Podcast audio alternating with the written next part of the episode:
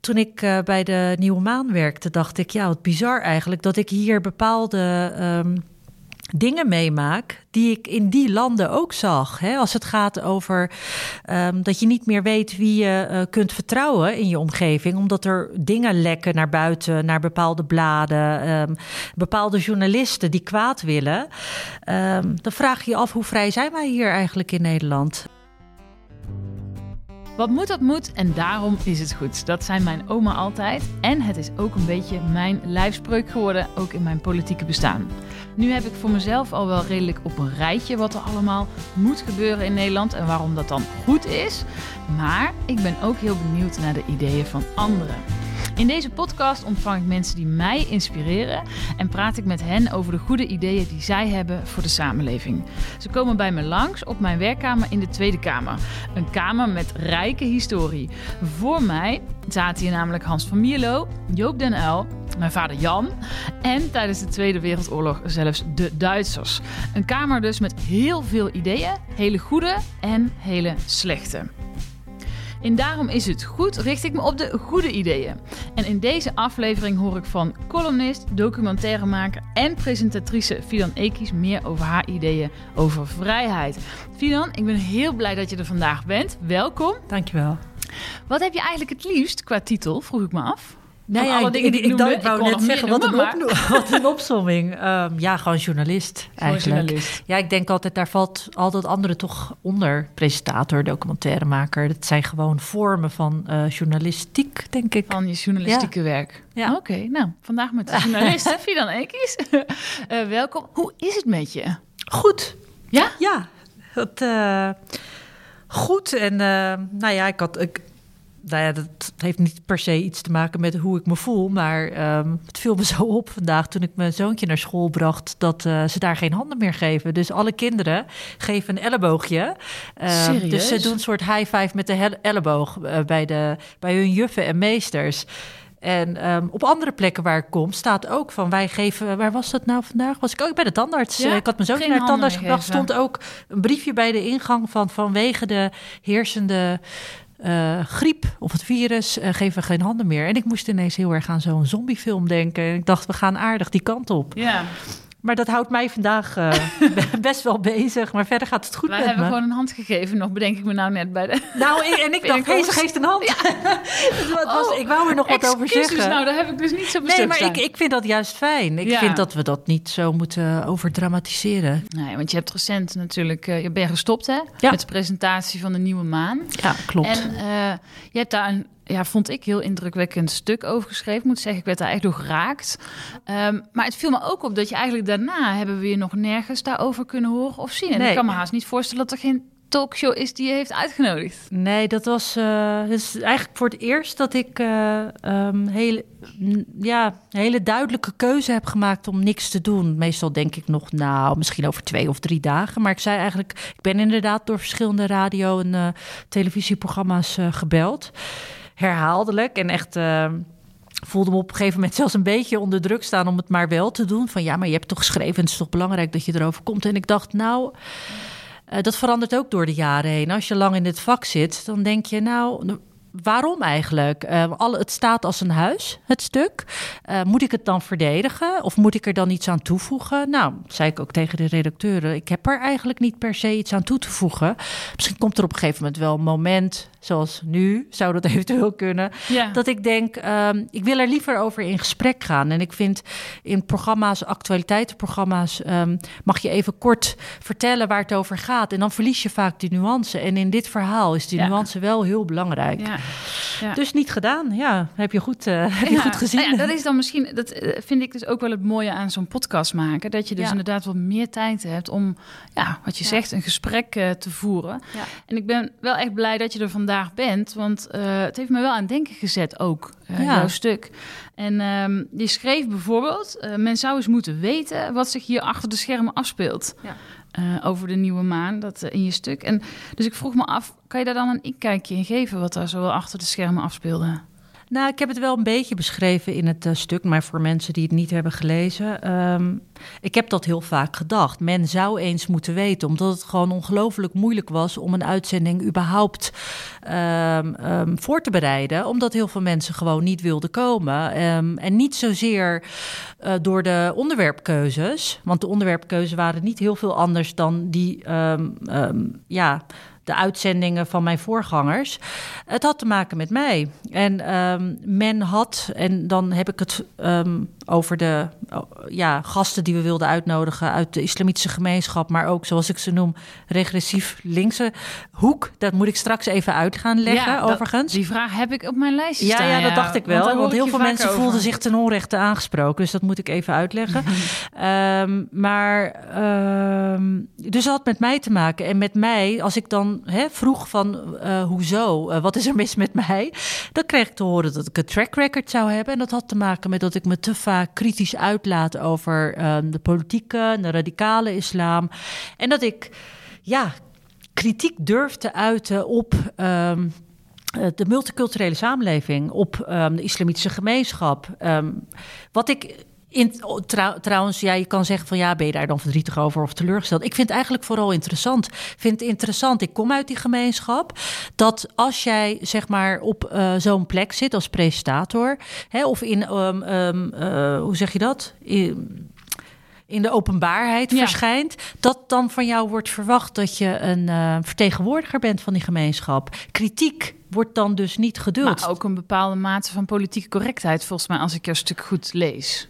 Ja, nou ja, die politieke, ja, politieke correctheid heeft, um, zeg maar, zoals die bestaat in de autochtone samenleving, zou ik moeten zeggen, toch een andere betekenis dan zoals die bestaat binnen die gemeenschap. Het heeft ook heel erg te maken met um, de vuile was niet buiten hangen. Het heeft heel erg te maken met uh, je bent een van ons en wanneer je kritiek hebt, wordt dat toch snel gezien als landverraad. Gewoon als verraad eigenlijk. Dat gaat toch wel wat verder dan gewoon politieke correctheid. Het heeft verschillende lagen. Komt dan ook uh, op dat moment die term van jou regressief links om de hoek kijken? En die, ja. Kan je uitleggen wat je daar dan precies mee bedoelt? Ja, die, die heb ik eigenlijk van Majid Nawaz. Die ken je misschien hm. ook wel. Dat is eigenlijk iemand die in uh, Groot-Brittannië... Um, ja, zou ik misschien kunnen zeggen, deze rol vervult. Hè? Um, het is trouwens overigens uh, moslim.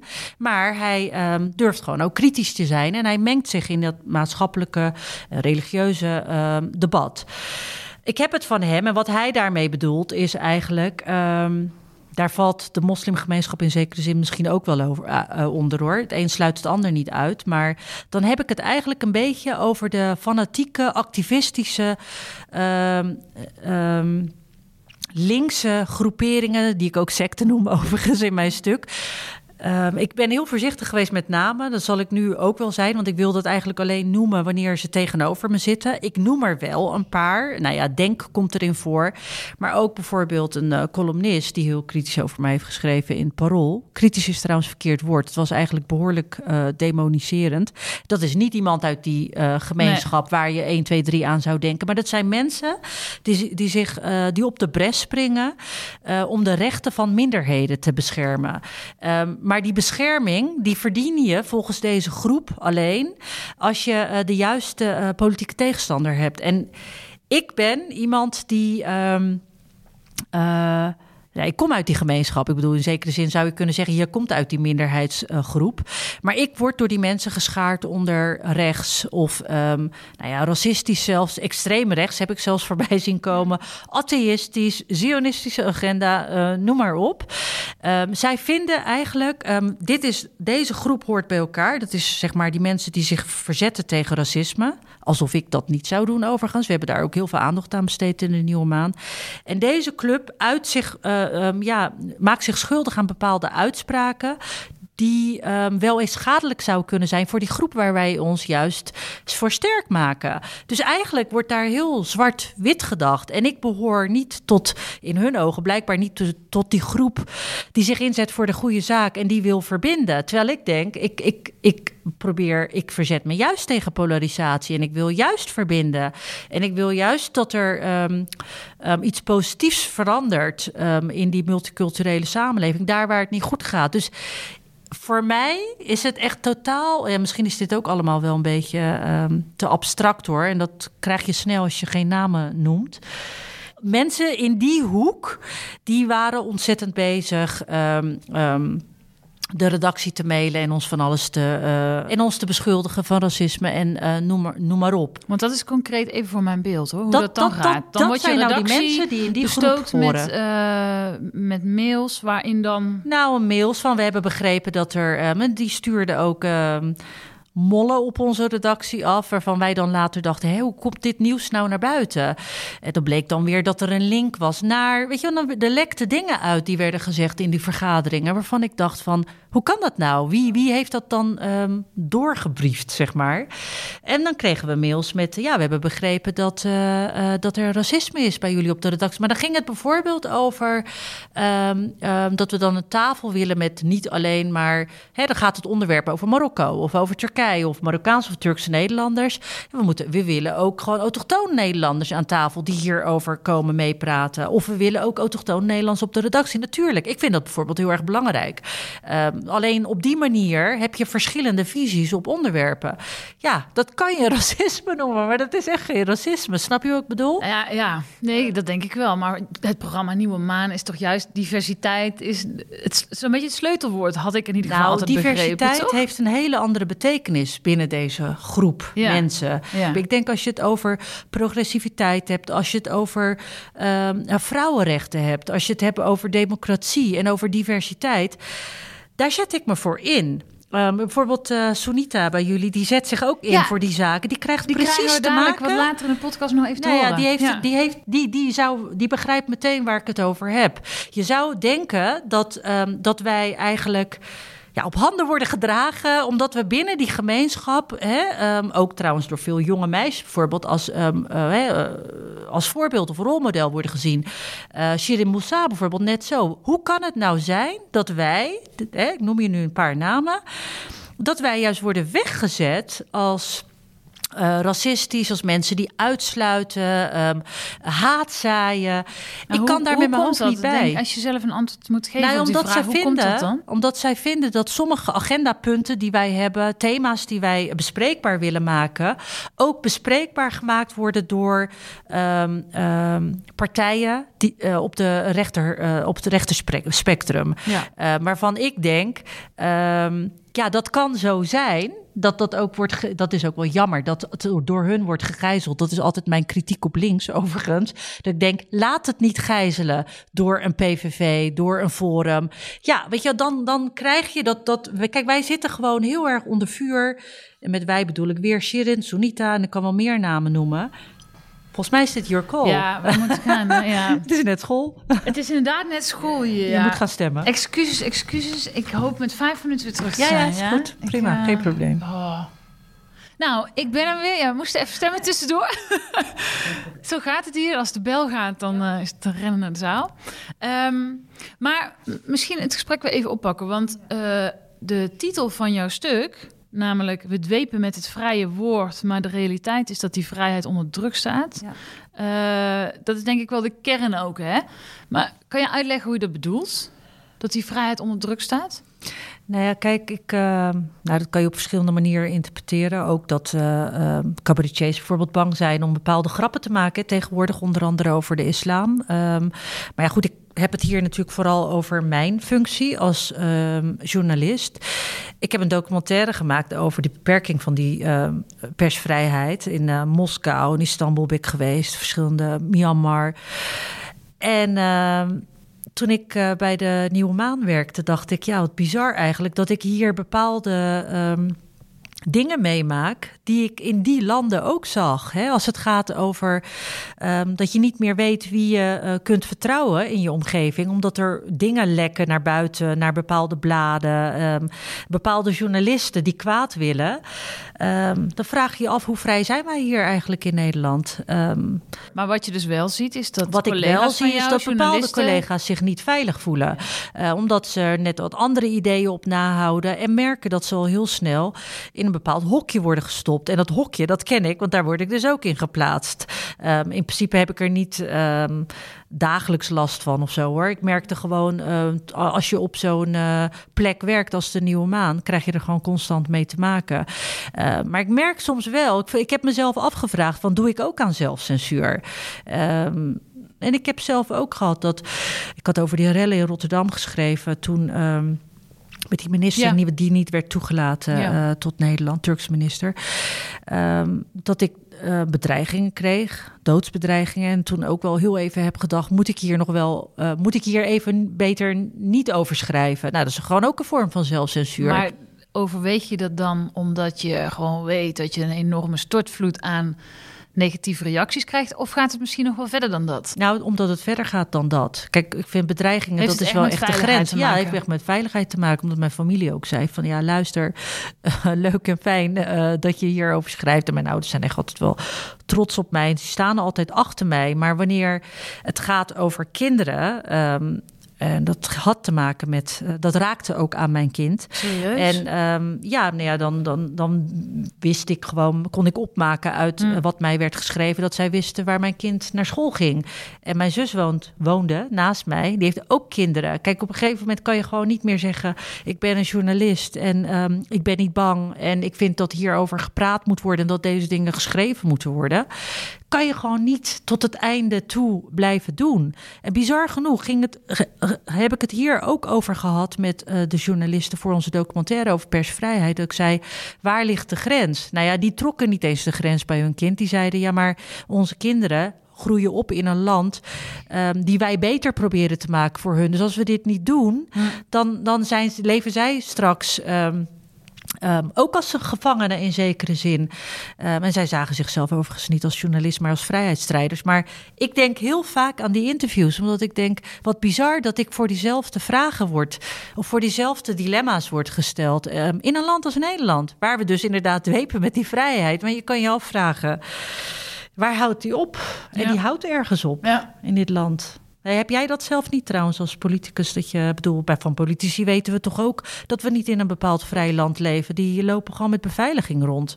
Klopt. Nou, moet ik zeggen dat ik daar gelukkig geen last van heb. Um, en dat gelukkig. Is, dat is echt gelukkig. Nee, want ik heb natuurlijk wel uh, mijn jeugd meegemaakt in de tijd van de moord op Fortuin. Toen mijn vader uh, fractieleider van de SP was. Nou, dat was een hele heftige tijd. Toen zijn we inderdaad vol in de beveiliging gegaan. En ook nog daarna ook nog een aantal keren ja, ik was toen een jaar of 16, maar dat heeft onwijs veel impact natuurlijk. Als je gewoon continu uh, bewaking voor het huis, achter het huis. Je kon eigenlijk nergens meer naartoe. Mijn vader persoonsbeveiliging overal waar hij heen ging. Ze gingen eten bij de familie met kerst. Dan moesten er zes van die mannen mee.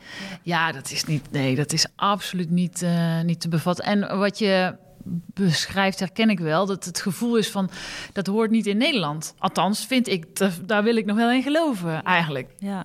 En toch ben je niet bang geweest om uh, dit vak in te gaan. Je had, het nee. had je kunnen afschrikken. Zeker, zeker. Want het heeft uh, wel. Uh, het was een hele angstaanjagende tijd. Die tijd, zeker. Maar nee, dat heeft mij niet op die manier afgeschrikt. Omdat ik ook wel gedacht heb, nou, ik la ja, misschien is dat dan... Ik, ik bedoel dat niet uh, overdreven stoer, maar echt wel. Ik wil me daar ook niet door laten afschrikken. Maar ik snap ook heel goed wat jij aangeeft, dat het ook wel grenzen kent. Uiteindelijk, als het je familie raakt, of zelfs je kinderen, dat dat een heel ander verhaal is. Nou ja, kijk, wat bij mij wel heel erg meespeelt in, in wat ik doe, steeds meer dan, dan het ooit was toen ik als begon als journalist, is dat ik merk dat hoe meer je um, um, direct wordt geraakt. Um, in je werk. Door wat je zegt en wat je vindt, waar je vrij in zou moeten zijn. Hè? We leven in een democratisch land, vrij land. Um, het, het, het, gaat steeds meer onderdeel van mijn drijfveren uh, vormen. Um, dat ik dat wil veranderen. Dat ik vind dat die vrijheid um, grenzeloos moet hm. worden. Natuurlijk houdt die ergens op hè, als je het hebt over haatzaaien en geweld plegen. Maar ik bedoel ja. dat je gewoon vrij moet kunnen voelen. Heb jij dat ook in je vak? Dat je denkt, ik wil bepaalde dingen op het gebied van vrijheid dan, op, op waar wij het nu over hebben, je kunnen uitspreken zonder Zeker. bang te hoeven zijn. Speelt dat mee? Um, maar dat is ook een reden waarom ik het interessant vind om met jou daarover te spreken. Omdat ik um, ja, eh, het links, zeg maar, waar ik me bij thuis voel, is het links wat juist strijdt voor uh, rechtvaardigheid, voor gelijkwaardigheid. Daar zou links dus ook voor moeten staan. Ik vind dus ook dat links daarvoor moet Helaas is dat niet altijd het geval. Nee, dat, en dat, dat uh, begrijp ik ook. Dat begreep ik uit je stuk en dat begrijp ik uit wat je zegt. En dat zie ik zelf ook. Maar ik vind, en, en die, die strijd wil ik wel voor. Ik vind dat links daar wel over moet gaan. en wel dat? voor Want nu kan ik het vragen. Hoe, hoe, komt het, hoe komt het dat... Kijk, ik ben sociaal-democraat. Ik kom echt uit een sociaal-democratisch gezin, nest. Um, en het is te bizar voor woorden dat de zaken waar ik me voor uitspreek progressieve zaken, eh, dat ik daarmee in een rechtse hoek word geplaatst. Hoe komt het dat um, er een vrij links nodig was, bijvoorbeeld het manifest? Um, dat hebben ze natuurlijk niet zomaar gedaan, dat zij dus ook vinden dat er wat moet veranderen op het linker uh, politiek spectrum. Hoe komt dat? Wat, wat is daar misgegaan eigenlijk? Ja, ik denk zelf wat jij in je eigen stuk ook benoemt, dat de opkomst van de zogenaamde identiteitspolitiek, ja, dat dat links, om dat dan maar even over één kam te scheren, uh, niet, zeker niet geholpen heeft. Sterker nog, ik denk dat dat een grote bedreiging is uh, voor links, uh, omdat je, als je ziet dat de identiteit als vaststaand gegeven uh, voorop komt te staan. Ja. Zelfs boven uh, dingen als de strijd voor gelijkwaardigheid. Nou, vrouwenrechten bijvoorbeeld doe jij. Ja. ja, dat is waar ik me wel heel veel zorgen om maak. Ja, maar dat merk ik ook. Dat, dat in die hoek, in die regressief linkshoek waar ik het over heb, uh, snel de schuld aan de witte koloniale mannen wordt gegeven. Of uh, de antiracistische discours altijd boven, nou eigenlijk in die identiteitspolitiek ook, boven bepaalde zaken wordt gesteld waarvan ik denk dat hoort juist bij links thuis. Want het gaat echt over, nou ja, waar Shirin Moussa heb ik net al gezegd, dat je over het maagdelijkheidscultus, over taboes, schaamte, uh, vrouwenrechten gewoon, die horen toch ook juist in die hoek ook in die hoek uh, thuis. Uh, hoe, maar hoe denk jij dan dat we die, uh, die strijd voor emancipatie zouden kunnen verbinden aan de strijd tegen racisme bijvoorbeeld? Het, zou, het kan prima samengaan. Ja, ik ik dus snap niet waarom um, er wordt eigenlijk wordt gezegd... we moeten eerst dit uitvechten en dan komen we wel met het andere. Kijk, ik, uh, mijn moeder uh, kijkt elke dag Turkse televisie. Laten we nog maar niet over een stukje integratie hebben... maar zij is de eerste generatie gastarbeiders. Um, en um, die kijkt dus naar die tv-programma's... waar uh, heel veel vrouwen te gast zijn... en die praten dus over die emancipatie. En dan denk ik, wat, wat gek dat daar... Um, ik bedoel, er valt heel veel natuurlijk over Turkije uh, te zeggen. Ik vind het ook altijd moeilijk om, om daar positieve voorbeelden van te geven tegenwoordig. En die zijn er genoeg overigens, zonder dat iemand me beschuldigt van wegkijken of hallo, zie je niet wat daar gebeurt. Maar het is wel een feit dat um, als ik daar praat over emancipatie en vrouwenrechten, en bijvoorbeeld ook uh, um, huiselijk geweld en zo, daar, daar maken vrouwen zich daar nu heel sterk voor in Turkije. Vind ik echt een hele goede zaak. Dat ik daar makkelijker kan praten, ook over politieke islam bijvoorbeeld, dan in Nederland in Nederland. En dat zal te maken hebben met dat Turken, Marokkanen hier tot een minderheidsgroep horen. Um, en eerst na 9-11 en na alles. Zal ik het rijtje weer niet helemaal opnoemen. Uh, maar ze zeggen van er wordt anders naar ons aangekeken. Wij, zijn tweede, wij worden gezien als tweede rangs burgers. Dat dat zo diep zit blijkbaar. Die strijd tegen racisme en uit, hè, buitengesloten worden dat ze uh, die andere zaken ja, als secundair zien. En nogmaals, in Turkije kan ik daar prima over praten.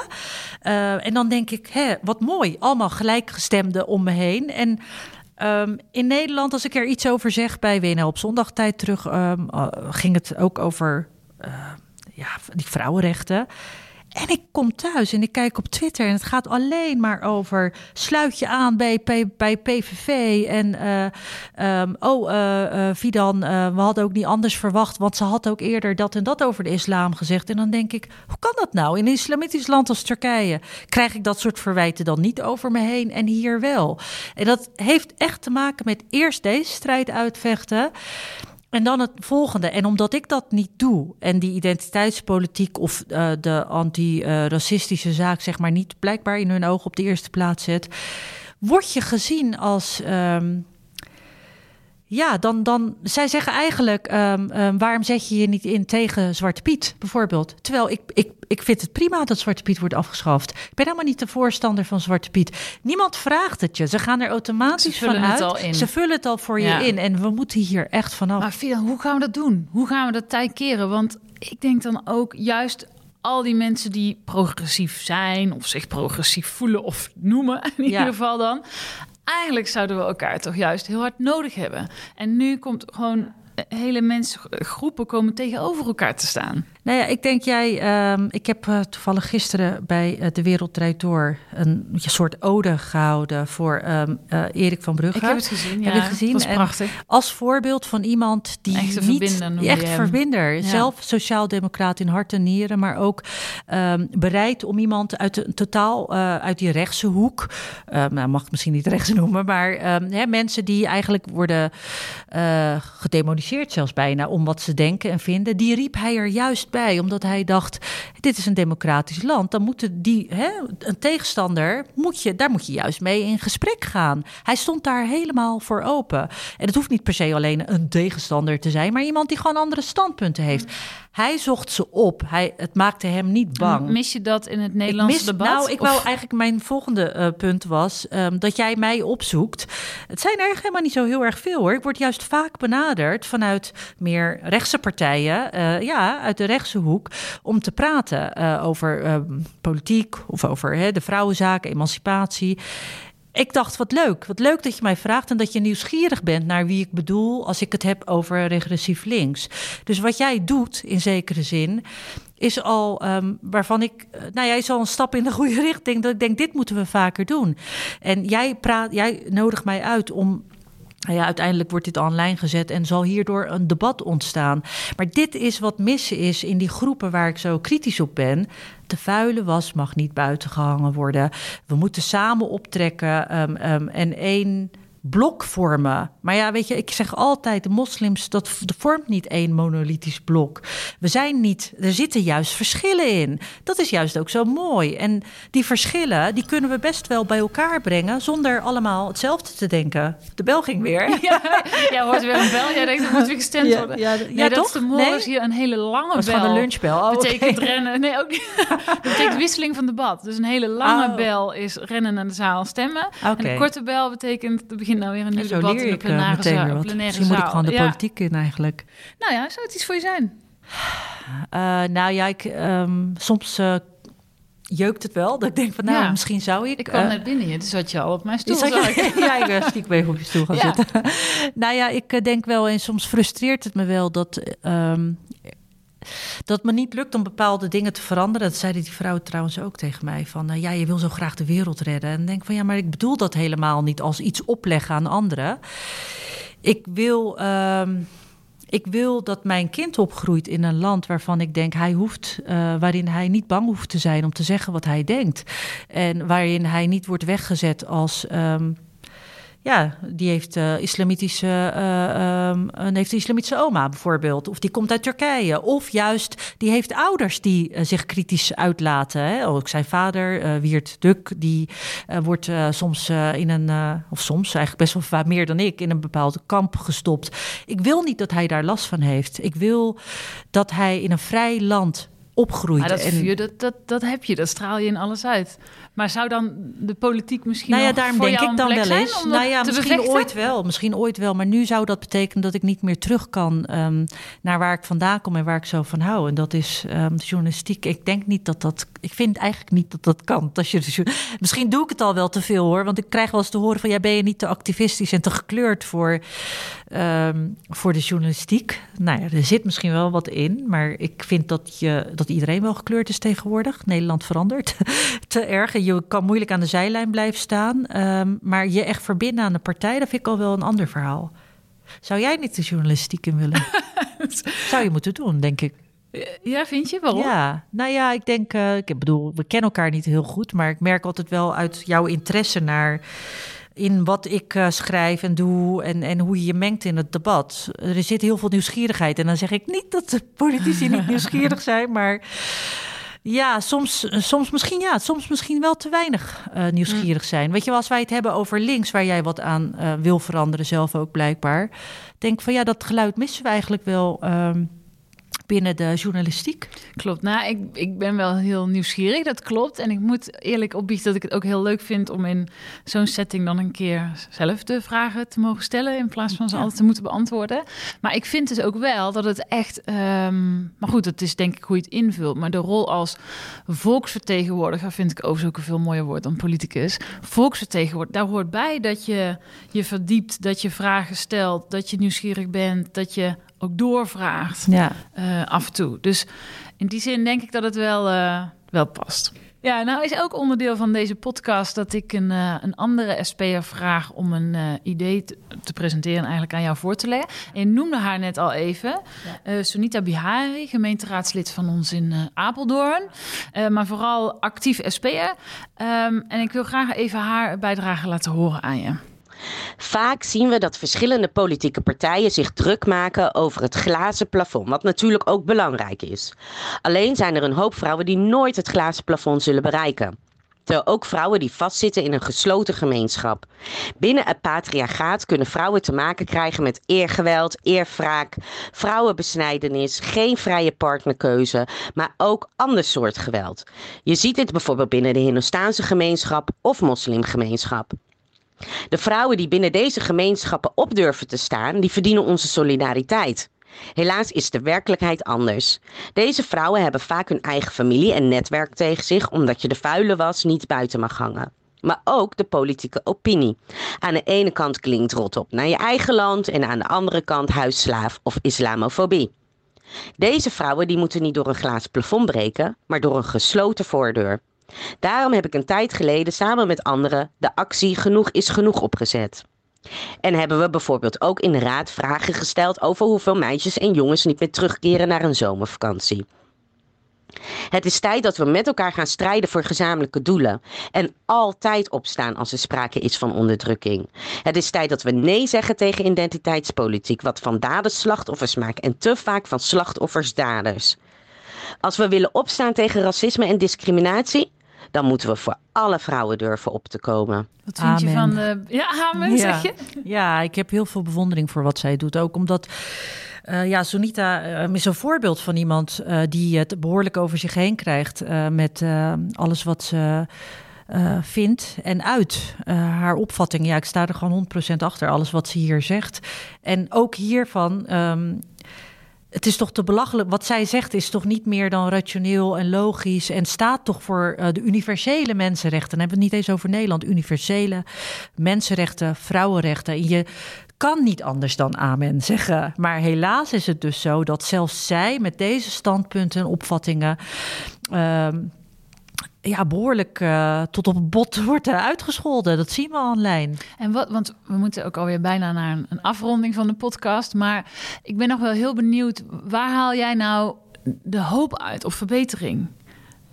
Die reacties die, uh, uh, die we krijgen, die die we, zeg ik, hè, ik ga ook in de we-termen spreken, want we zijn we, um, die um, zeggen van we hebben hier wat nou, aan, dit helpt ons. Even voor mij, als jij zegt we, wie bedoel je dan? Nou, Sunita bijvoorbeeld, ja. Shirin Moussa bijvoorbeeld, en er zijn er nog heel veel. Ik vind, daarom zeg ik, als ik zeg dat solidariteit belangrijk is, vind ik ook dat ik in de we-termen zou moeten spreken.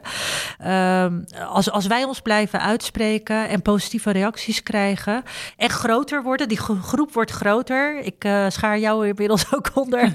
Ehm, dan, dan geloof ik dat we de goede kant op gaan. En, en dat er echt wel hoop is. Want ik merk dat um, ook online, bijvoorbeeld op Twitter, zoeken we elkaar op en, en steunen we elkaar. En um, ja, ik voel gewoon dat die groep groter wordt. Die was er waarschijnlijk al wel. Maar mensen zijn ook vaak bang om te zeggen wat ze vinden. Omdat ze dus bang zijn om in dat hokje gestopt te worden. En ik, ik, ik heb echt wat tij, een tijden gehad dat ik dacht dat ik voel me echt alleen staan. En, en dat heb ik hmm. veel minder. Veel minder. Omdat ik, ja, misschien ook omdat ik mezelf beter kan um, verwoorden. En omdat ik erover kan schrijven. En um, ja, dat me niet meer raakt. Dat ze zeggen, oh jij zit, jij behoort tot uh, die groep waarvan ik denk ik behoor helemaal niet tot die groep. Ik vind eigenlijk überhaupt niet dat ik tot de groep uh, behoor. Dat wil ik helemaal niet. Um, ik, uh, ik, ik, sta daar nu boven. En, en ik sta er niet alleen. En, en dat geeft mij hoop. Ja. Mooi, nou, dat je daar niet alleen staat, dat Ja. eh, kan ik bevestigen, denk ik. En Dankjewel. eh, ik vind het mooi om te zien hoe jij eh, de strijd voor vrijheid op, op alle vlakken en voor iedereen zonder uitzondering, ik denk dat dat het juist zo krachtig maakt, hoe je die voert. Dankjewel. En wij steunen jou daar graag in. Dankjewel. Mag ik je ontzettend bedanken? En dan krijg je Voor lidmaatschap de van de politieke partij. Ja, en als cadeautje. Leo, je bent van harte welkom. Eh, maar ik kan me ook heel goed voorstellen dat je je journalistieke onafhankelijkheid hoog in het vaandel hebt. nou, ik zou zeggen, join us. Ja. Bedankt voor de uitnodiging. Zeker. Eh, dit was Daarom is het goed. De podcast waarin ik van mensen die mij inspireren hoor welke goede ideeën zij hebben voor de toekomst. Wil je niks missen? Abonneer je dan via Apple Podcast of Spotify. Tot de volgende.